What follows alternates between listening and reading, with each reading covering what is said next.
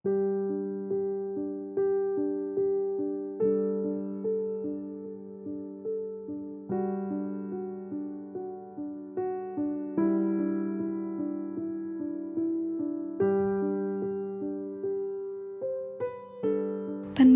Saat Teduh Gereja Kristen Jakarta Kamis 29 Februari 2024 dengan tema Sang Pendiri Gereja.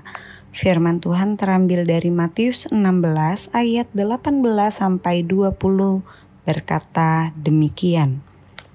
Dan aku pun berkata kepadamu, engkau adalah Petrus, dan di atas batu karang ini aku akan mendirikan jemaatku, dan alam maut tidak akan menguasainya. Kepadamu akan kuberikan kunci kerajaan surga. Apa yang kau ikat di dunia ini akan terikat di surga. Dan apa yang kau lepaskan di dunia ini akan terlepas di surga Lalu Yesus melarang murid-muridnya supaya jangan memberitahukan kepada siapa pun bahwa ia Mesias. Dalam setiap institusi atau komunitas ada seorang yang memulai segalanya. Begitu juga dengan gereja kita yang memiliki pendiri yang istimewa dan tidak tergantikan. Nas renungan hari ini kita diberi kesempatan untuk merenungkan tentang siapa sebenarnya yang mendirikan dan membangun gereja kita.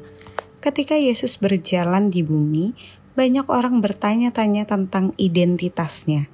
Di tengah keraguan itu, Yesus menanyakan kepada murid-murid perihal pengenalan akan dirinya. Petrus dengan penuh keyakinan menjawab bahwa Yesus adalah Mesias, Sang Anak Allah. Dengan jawaban ini, Yesus memberikan kabar baik tentang rencananya untuk mendirikan sebuah gereja yang tak akan pernah ditaklukkan oleh kekuatan apa pun. Yesus dengan penuh kasih berkata kepada Petrus, "Dan aku berkata kepadamu, engkau adalah Petrus, dan di atas batu karang ini aku akan mendirikan jemaatku." Kata-kata ini mengandung makna mendalam bahwa Yesus, Sang Pendiri, ingin membangun gereja di atas fondasi iman yang kokoh seperti batu karang yang tak mudah digoyahkan. Dia menegaskan bahwa bahkan maut pun tidak akan mampu mengalahkan gereja yang ia dirikan. Bukan hanya itu, Yesus juga memberikan tanggung jawab besar kepada gereja dengan mengatakan bahwa kunci kerajaan surga diberikan kepadanya ini bukan sekedar tugas, tetapi sebuah kepercayaan besar untuk meneruskan ajaran dan kasihnya kepada dunia.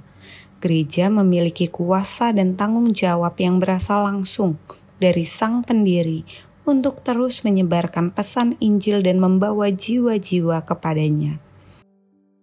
Mengetahui bahwa Yesus adalah pendiri gereja, kita semua dipanggil untuk terlibat aktif setiap anggota gereja memiliki peran unik dan penting dalam membangun dan menjaga gereja yang telah didirikan oleh Yesus.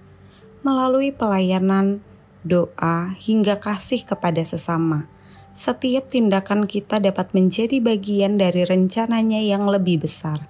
Sebagai sang pendiri gereja, Yesus mengajak kita semua bersama-sama membangun, menjaga, dan memperluas kasih dan ajarannya melalui gereja.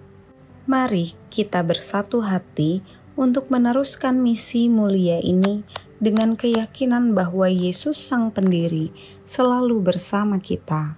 Amin. Gereja tidak dibangun di atas kekuatan manusia atau visi manusia, tetapi di atas Kristus yang kekal.